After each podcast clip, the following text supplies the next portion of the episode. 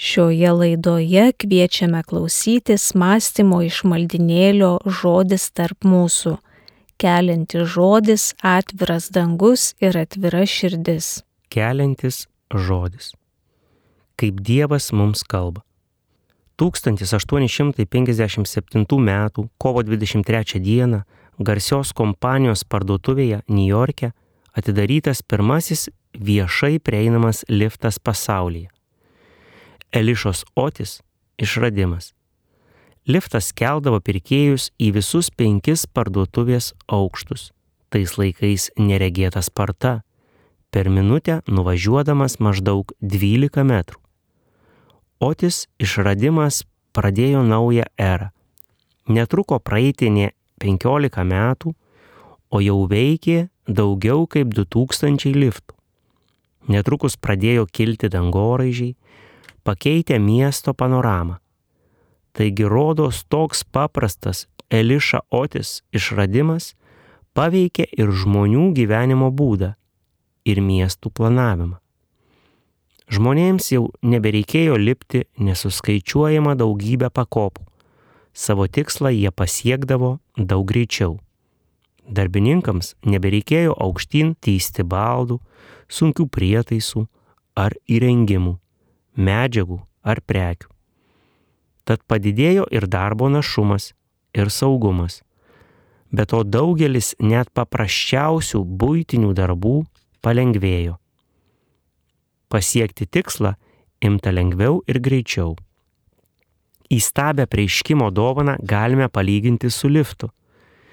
Viena vertus, gali išeikvoti visas savo jėgas besistengdamas perprasti Dievą bei jo išganimo planą ir vykdyti jo įsakymus.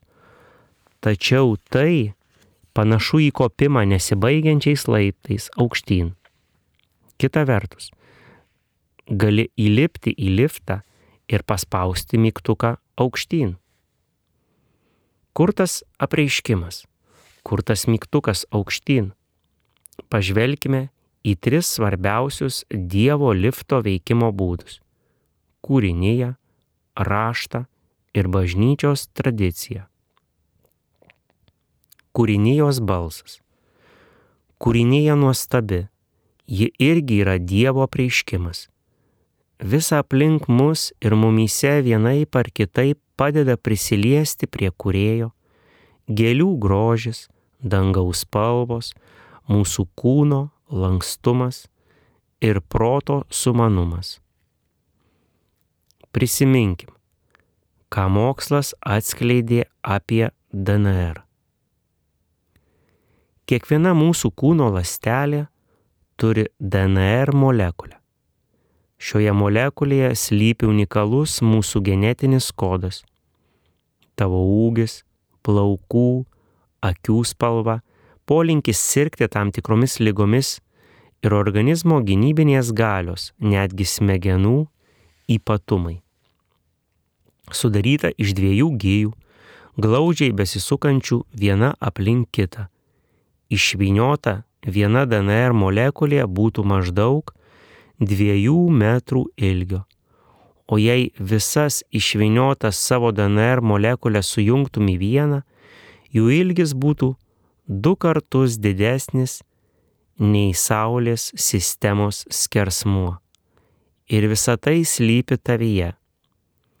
Visą tą genetinę informaciją tavin įrašyti sugalvojo Dievas. Tai jo planas. Tai reikia pamastyti apie DNR stebuklą ir mūsų užlies pagarbi nuostaba, Dievas mus taip gerai pažįsta ir taip stipriai su mumis susivienijęs. Nukreipkim akis į dangų. Kokia platybė, kokia nepriepiama Dievo sukurtoji visata.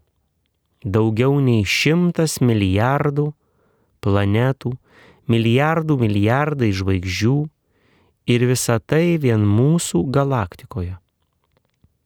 Pasak astronomų, visatoje yra nuo 100 iki 200 milijardų galaktikų.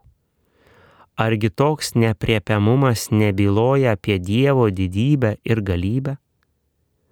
Taigi Dievas visada mums kalba per kūrinyje. pradedant nuo DNR, baigiant didingomis galaktikomis. Jis visada mums byloja apie savo galybę ir didybę. Ir visuomet sako, kad myli mus, kad pažįsta mus, kad mus laiko savo rankose. Įpras kas vakarą pažvelgti į dangų. Giedrę naktį išvysi daugybę žvaigždžių. Išėjęs pasivaikščioti, nepraeik pro išlakius medžius, puošnes ir kukles gėlės.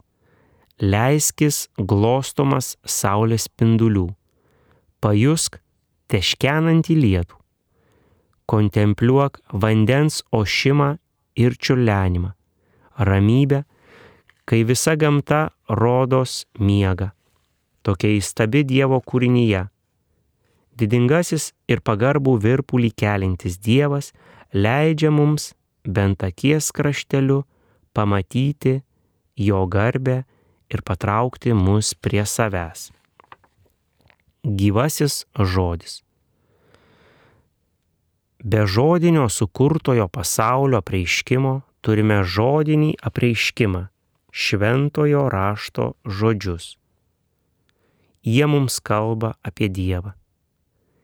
Jie pasakoja, koks yra Dievas ir kokia stipri jo meilė. Jie byloja apie jo meilę ir sumanimus bažnyčiai. Atskleidžia galingojo ir didingojo Dievo kantrybę, gailestingumą, atlaidumą. Šventasis raštas ne šiaip aiškina, koks įstabus Dievas, bet jo gerumą ir gailestingumą atskleidžia pasakojimais, palyginimais, pavyzdžiais. Pavyzdžiui, pasakojimu apie izraeliečių išvadavimą iš vergyjos Egipte. Pasakojimais, kaip Dievas kreipėsi į savo tautą per pranašą Jeremiją ir pranašą Ezechielį. O kur dar pasakojimai apie Jėzų, drąsinantį mokinius ir atleidžiantį tokiems žmonėms kaip mokesčių rinkėjas Zachiejus, išgydantį net labai ilgai sergančių žmonės, pavyzdžiui, moterį sirgusią kraujoplūdžiu. Ir žinoma, svarbiausias pasakojimas yra apie paties Jėzaus mirtį ir prisikelimą. Visi šventojo rašto pasakojimai rodo Dievą esant nepaprastai rūpestingą. Jis rūpinasi mumis ir mus lydi visą kelią iki dangiškųjų namų. Kiekvieno pasakojimo tikslas - prabilti į mus asmeniškai, kad galėtume jo žodžius susijęti su savo reikmėmis ir rūpeščiais, su savo viltimis ir baimėmis. Apie šventąjį Augustiną pasakojimą, kad jis būdamas nepaprastai puikiai įsilavinęs, pasitikintis savo išmanimu, niekaip negalėjo sutikti, jog Dievas galėtų asmeniškai kreiptis į jį. Negana to, jam buvo sunku ryštis gyventi skaičiai. Vieną dieną Augustinas išgirdo vaiko balselį, sakantį, imk mane ir skaityk. Šalia nieko nebuvo. Tad Augustinas pamanė, jog tai veikiausiai Dievo siunčiama žinia. Jis atsivertė Bibliją, akys užkliuvo už Pauliaus laiško romiečiams eilutės. Kaip dieną elkimės padoriai, saugodamiesi apsirijimo, girtavimo, palaidumo, neskaistumo, nesantaikos ir paviduliavimo. Apsivilkite viešpačių Jėzumi Kristumi ir nelepinkite savo kūno, netenkinkite jo gėdulių. Ta akimirka Augustino širdį tarytum perverė, jo gyvenimas persimainė, Augustinas jį atidavė viešpačiui. Kaip Augustinui, taip ir mums Dievas kalba per šventą įraštą. Galbūt ne taip įspūdingai kaip Augustinui, bet būkime tikri, kad Dievas ir mums nori kai ką pasakyti per šventojo rašto pasakojimus ir pamokymus. Dievas iš ties kalba tau, kai meldiesi, kai stengiasi skaityti šventą įraštą ir melstis pagal jo žodžius. Gyvoji tradicija be kūrinijos ir šventojo rašto Dievas taip pat apsireiškia per šventąją mūsų bažnyčios tradiciją. Šventoji tradicija - tai terminas nusakantis tokį Jėzaus mokymą, kokį išsaugojo apaštalai ir koks buvo perduotas ateinančioms kartoms. Tradicija draugė su šventojo rašto žodžiais mums pateikia išsamesnį paveikslą, kas ir koks Dievas yra, kokius palaiminimus Jis mums teikia, į kokį šventumą mus kviečia. Prisimink, kaip tavo tėvai ir seneliai perdavė savo išmintį ir patirtį. Tikriausiai klausėjai jų pasakojimų apie jų gyvenimą, kaip leisdavo atostogas, kokių rūpešių turėjo, kaip švesdavo šventes, kokių tradicijų laikėsi. Galbūt kai kurios šeimos tradicijos netgi atsispindėjo vaikų varduose. Pasakojimai apie kasdienybę irgi daug atskleidžia apie mūsų artimuosius. Taigi kiekvienas paprotys Kiekviena tradicija liūdija, ką reiškia būti tavo šeimos nariu. Būtent tradicija išreiškia šeimos įsitikinimus, savivoką, pasaulyje žiūrą, gyvenseną. Ir visa, kas ateina iš tavo šeimos, daug pasako apie tave. Kas tu esi ir kokį gyvenimą gyveni. Plačiau žvelgiant, mišių šventimas yra tobulas pavyzdys, kaip bažnyčia laikui bėgant vykdo šventojo rašto žodžius. Mūsų liturgijos šaknys, Senojo testamento pasakojimai apie perėjimą ir ypač Jėzaus žodžiai per paskutinę vakarienę.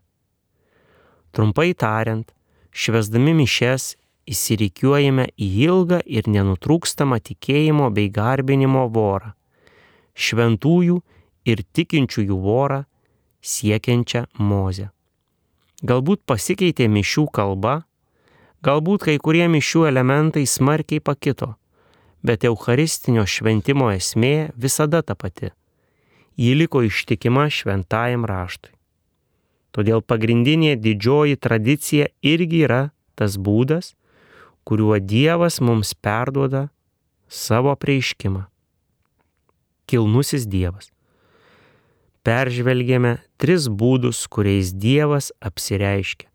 Tik pamastyk, jis taip trokšta kalbėti tavo širdžiai ir įžengęs į tavo gyvenimą tapti tavo bičiuliu, tavo gyvenimo dalininku.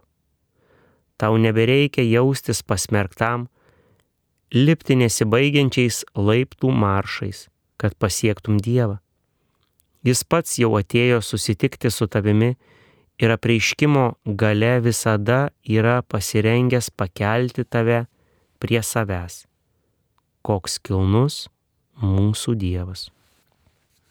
Atviras dangus, atvira širdis, dieviškųjų mainų pažadas. Žinome, kad Dievas mūsų kūrė gebančius ir galinčius jį pažinti asmeniškai ir artimai sakėme, kad šis gebėjimas apima galę priimti apreiškimą iš šventosios dvasios. Šis gebėjimas neatsispindi mūsų kūne, jo neparodys jokia rentgeno nuotrauka ar magnetinio rezonanso tyrimas. Nors šis gebėjimas toks neapčiuopiamas, bažnyčios istorijoje daugybė pasakojimų apie Dievo meilę ir ramybę savo širdyje patyrusius žmonės. O kiek daug žmonių, kurių gyvenime atsirado šventasis raštas, nesydvase jiems atskleidė. Istorija byloja, kad apsireikšdamas mums Dievas perteikia kai ką daugiau, nei vien faktus ar informaciją. Apsireikšdamas Dievas ne tik pasako šitą apie save ar bažnyčios mokymą, jo apsireiškimas yra ir asmeninis jo patyrimas, vykstantis mūsų širdyse. Tai jo gyvenimo ir jo meilės atidengimas mus keičiančių ir mums padedančių vis labiau tapti tokiems, kaip jis būdu. Jau apžvelgėme svarbiausias vietas, kuriuose Dievas mums kalba. Kūrinėje šventą įraštą ir tradiciją. Dabar pažvelkime, kaip galime gauti šią apreiškimo malonę. Dieviškieji mainai. Štai aš stoviu prie durų ir beldžiu. Jei kas išgirs mano balsą ir atvers duris, aš pas jį užeisiu ir vakarieniausiu su juo, o jis su manimi. Iš apreiškimo Jonui. Trečias skyrius 20 eilutė. Tikriausiai vienas iš svarbiausių ir įspūdingiausių Dievo apsireiškimų mums yra šis. Jėzus Kristus, amžinasis Dievo sūnus, nori įžengti į mūsų gyvenimą ir imtis veiklaus vaidmens jame. Jis beldžia į mūsų širdies duris, ragindamas jį įsileisti. Širdies durų atverimo viešpačiui vaizdinys galbūt atrodo sentimentalokas, gal net nežiūrime į jį rimtai. Tačiau jei įsigilinsime į šią mintį, pamatysime, kad yra konkretūs durų atverimo būdai ir konkretūs vaisiai, kurių galime tikėtis atvėrę širdis duris. Galbūt tai perprasti padės dieviškųjų mainų tarp Dievo ir mūsų vaizdinys. Mainų vaizdiniu teigiama, kad Dievas išlieja savo malonę ir palaiminimus mainais už tą laiką, kurį praleidžiame melzdamiesi ar rūpindamiesi kitais žmonėmis. Pirkdamas kokią nors prekę, sumoki tiek pinigų, kiek ji kainuoja. Tarkim, pirkdamas porą kilogramų obolių nemoki 500 eurų, tai išleidi kelis eurus ar keliasdešimt centų, nelygų kokie oboliai, koks derlius ar metų laikas. Nors ne visada prekės kaina tiksliai atitinka jos vertę, bet mes teisėtai tikimės, kad perkant parduodant vyks lygiaverčiai mainai. Bet vykdant mainus su Dievu, lygiaverčių mainų įvaizdis nelabai tinka. Skiri 15 minučių maldai, o Dievas tau atlygina už jas 60 teriopai ar 90 teriopai. Nusišypsojęs Elgetai paduodi porą eurų, o už tai gauni susitikimą su Jėzumi tame žmoguje. Štai kokie nuostabūs dieviškiai mainai. Dievas mums be galo dosniai atlygina už maldą ir savęs dovanojimą jo vardu. Trumpai tariant, mūsų malda, mūsų klusnumas ir mūsų patarnavimai tai durų atverimas Jėzui ir pakvietimas jo vidun. Kas kart, kai atveriame duris Jėzui, jis ateina pas mus, nešinas vis apstesnę malonę. Jo dovanos prašoka menkas mūsų laiko ir talentų aukas, kaip veikia dieviškieji mainai. 13 amžiuje Italijoje gyvenęs jaunuolis mėgo rafinuotą gyvenimą. Jam patiko dailiai rengtis, dainuoti ilgesingas dainas apie narsų riterį, išlaisvinantį širdies damą. Gyvenimas atrodė toks romantiškas, Vieną dieną jodamas arkliu, jis pamatė raupsais sergantį žmogų. Vėliau prisipažino, man būdavo be galo šlikštu, pamačius raupsuotai, bet pats Dievas nuvedė mane tarp jų ir man jų pagailo. Jaunuolis nulipo nuo arklio, pabučiavo vyrą ir davė jam truputį pinigų. Ta akimirka raupsuotasis pranyko o jaunuolio širdis jau buvo persimainiusi amžiams. Tai, kas atrodė kartu, pavirto į kūno ir sielos saldumą. Šis jaunuolis buvo Pranciškus Asižėtis, o susitikimas su raupsuotoju tapo jo atsivertimo ašimi. Šis pasakojimas apie šventąjį Pranciškų yra puikia dieviškųjų mainų iliustracija. Atjausdamas kenčiantį nuo raupsų žmogų, Pranciškus žengė žingsnelį, pakluso Dievo įsakymui mylėti savo artimą kaip save patį. Dievas savo ruoštų jam išliejo kūno ir sielos saldybę. Pats Dievas apsireiškė Pranciškui per aupsuotąjį. Ir šio apsireiškimo metu įsikūnijusi malonė paskatino Pranciškų ne tik atiduoti gyvenimą viešpačiui, bet ir pradėti gyventi su vargšais, pradėti amžiams bažnyčią pakeisinti judėjimą. Prisimink ir apaštalą Petrą. Jis buvo paprastas žvėjys, gyvenęs prie Galilėjos ežero. Vieną dieną Jėzus pasiprašė Petro, paimamas į valtį ir liepė jam šiek tiek pasirti nuo kranto, kad iš valties galėtų pamokslauti nepaprastai išaugusiai žmonių miniai. Paskiau liepė užmesti tinklus. Petras atkirto, kad nėra žuvų, bet pakluso.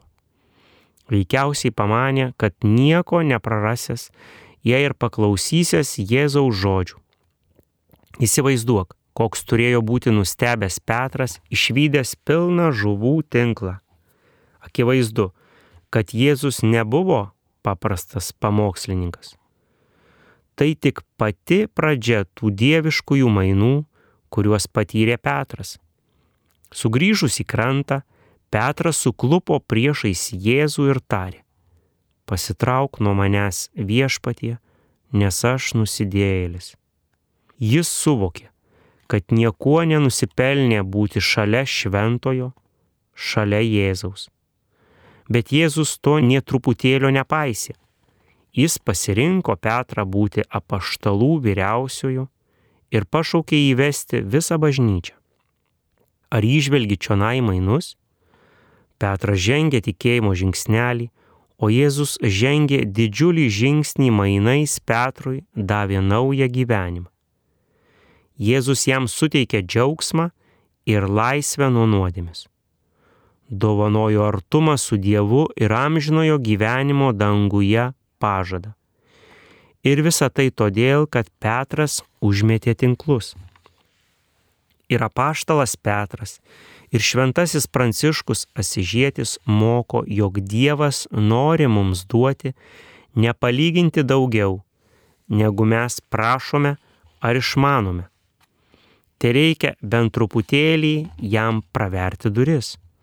Drauge su tūkstančiais šventųjų ir tikėjimų išpažinėjų, jie rodo mums, kad Dievas niekada nepralenkiamas dosnumu. Maldingi mainai. Ne tik šventieji patiria dieviškuosius mainus. Šis pažadas skirtas visiems mums.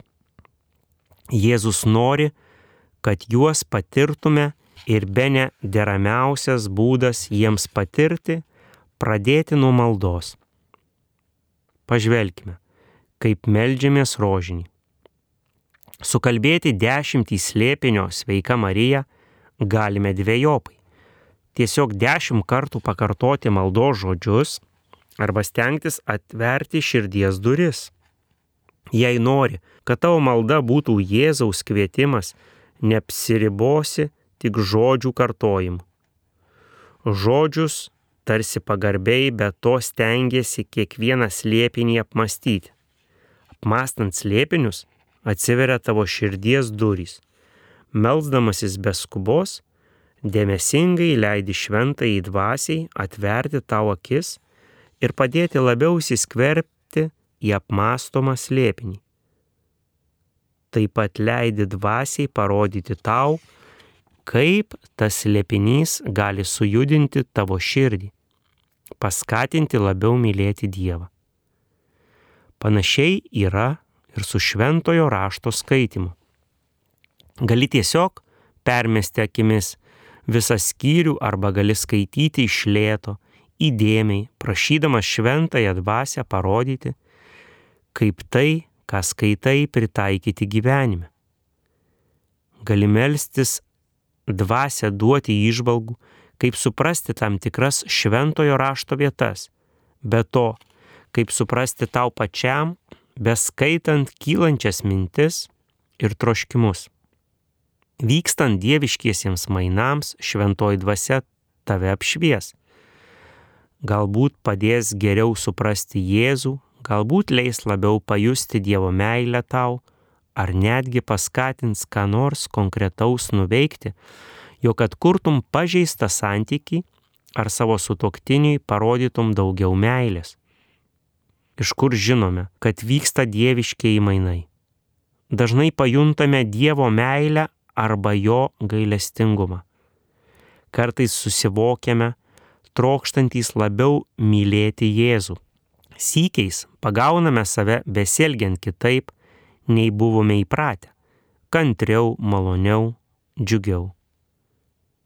Ateik ir gerk. Mes nesame nudrėpti iš kitokio molio nei apaštalai ar šventieji. Kaip mes, taip ir jie buvo gundomi, riboti ar menkinti tą gyvenimą, kurio Dievas nori, kad gyventume. Bet jie paliko širdies duris atviras ir kvietė Jėzų įžengti pro jas. Tai buvo jų paslaptis. Ji gali būti ir mūsų. Jėzus trokšta pakelti kiekvieną iš mūsų iš gendamybės lygmens į nemarumą, iš fizinio pasaulio į dvasinį. Kasdien randasi naujų progų atverti duris ir prašyti Jėzų veikti. Kasdienybė siūlo dieviškųjų mainų progų, kai galime išvysti, kaip Jėzus keičia mūsų širdis. Jėzus kasdien kviečia mus. Nagi, visi, kurie trokštate, ateikite prie vandens. Net jei ir pinigų neturite, ateikite, pirkite duonos ir valgykite. Ateikite, pirkite vyno ir pieno, be pinigų ir be kainos. Priimkime šį kvietimą. Girdėjome mąstymus iš maldinėlio žodis tarp mūsų.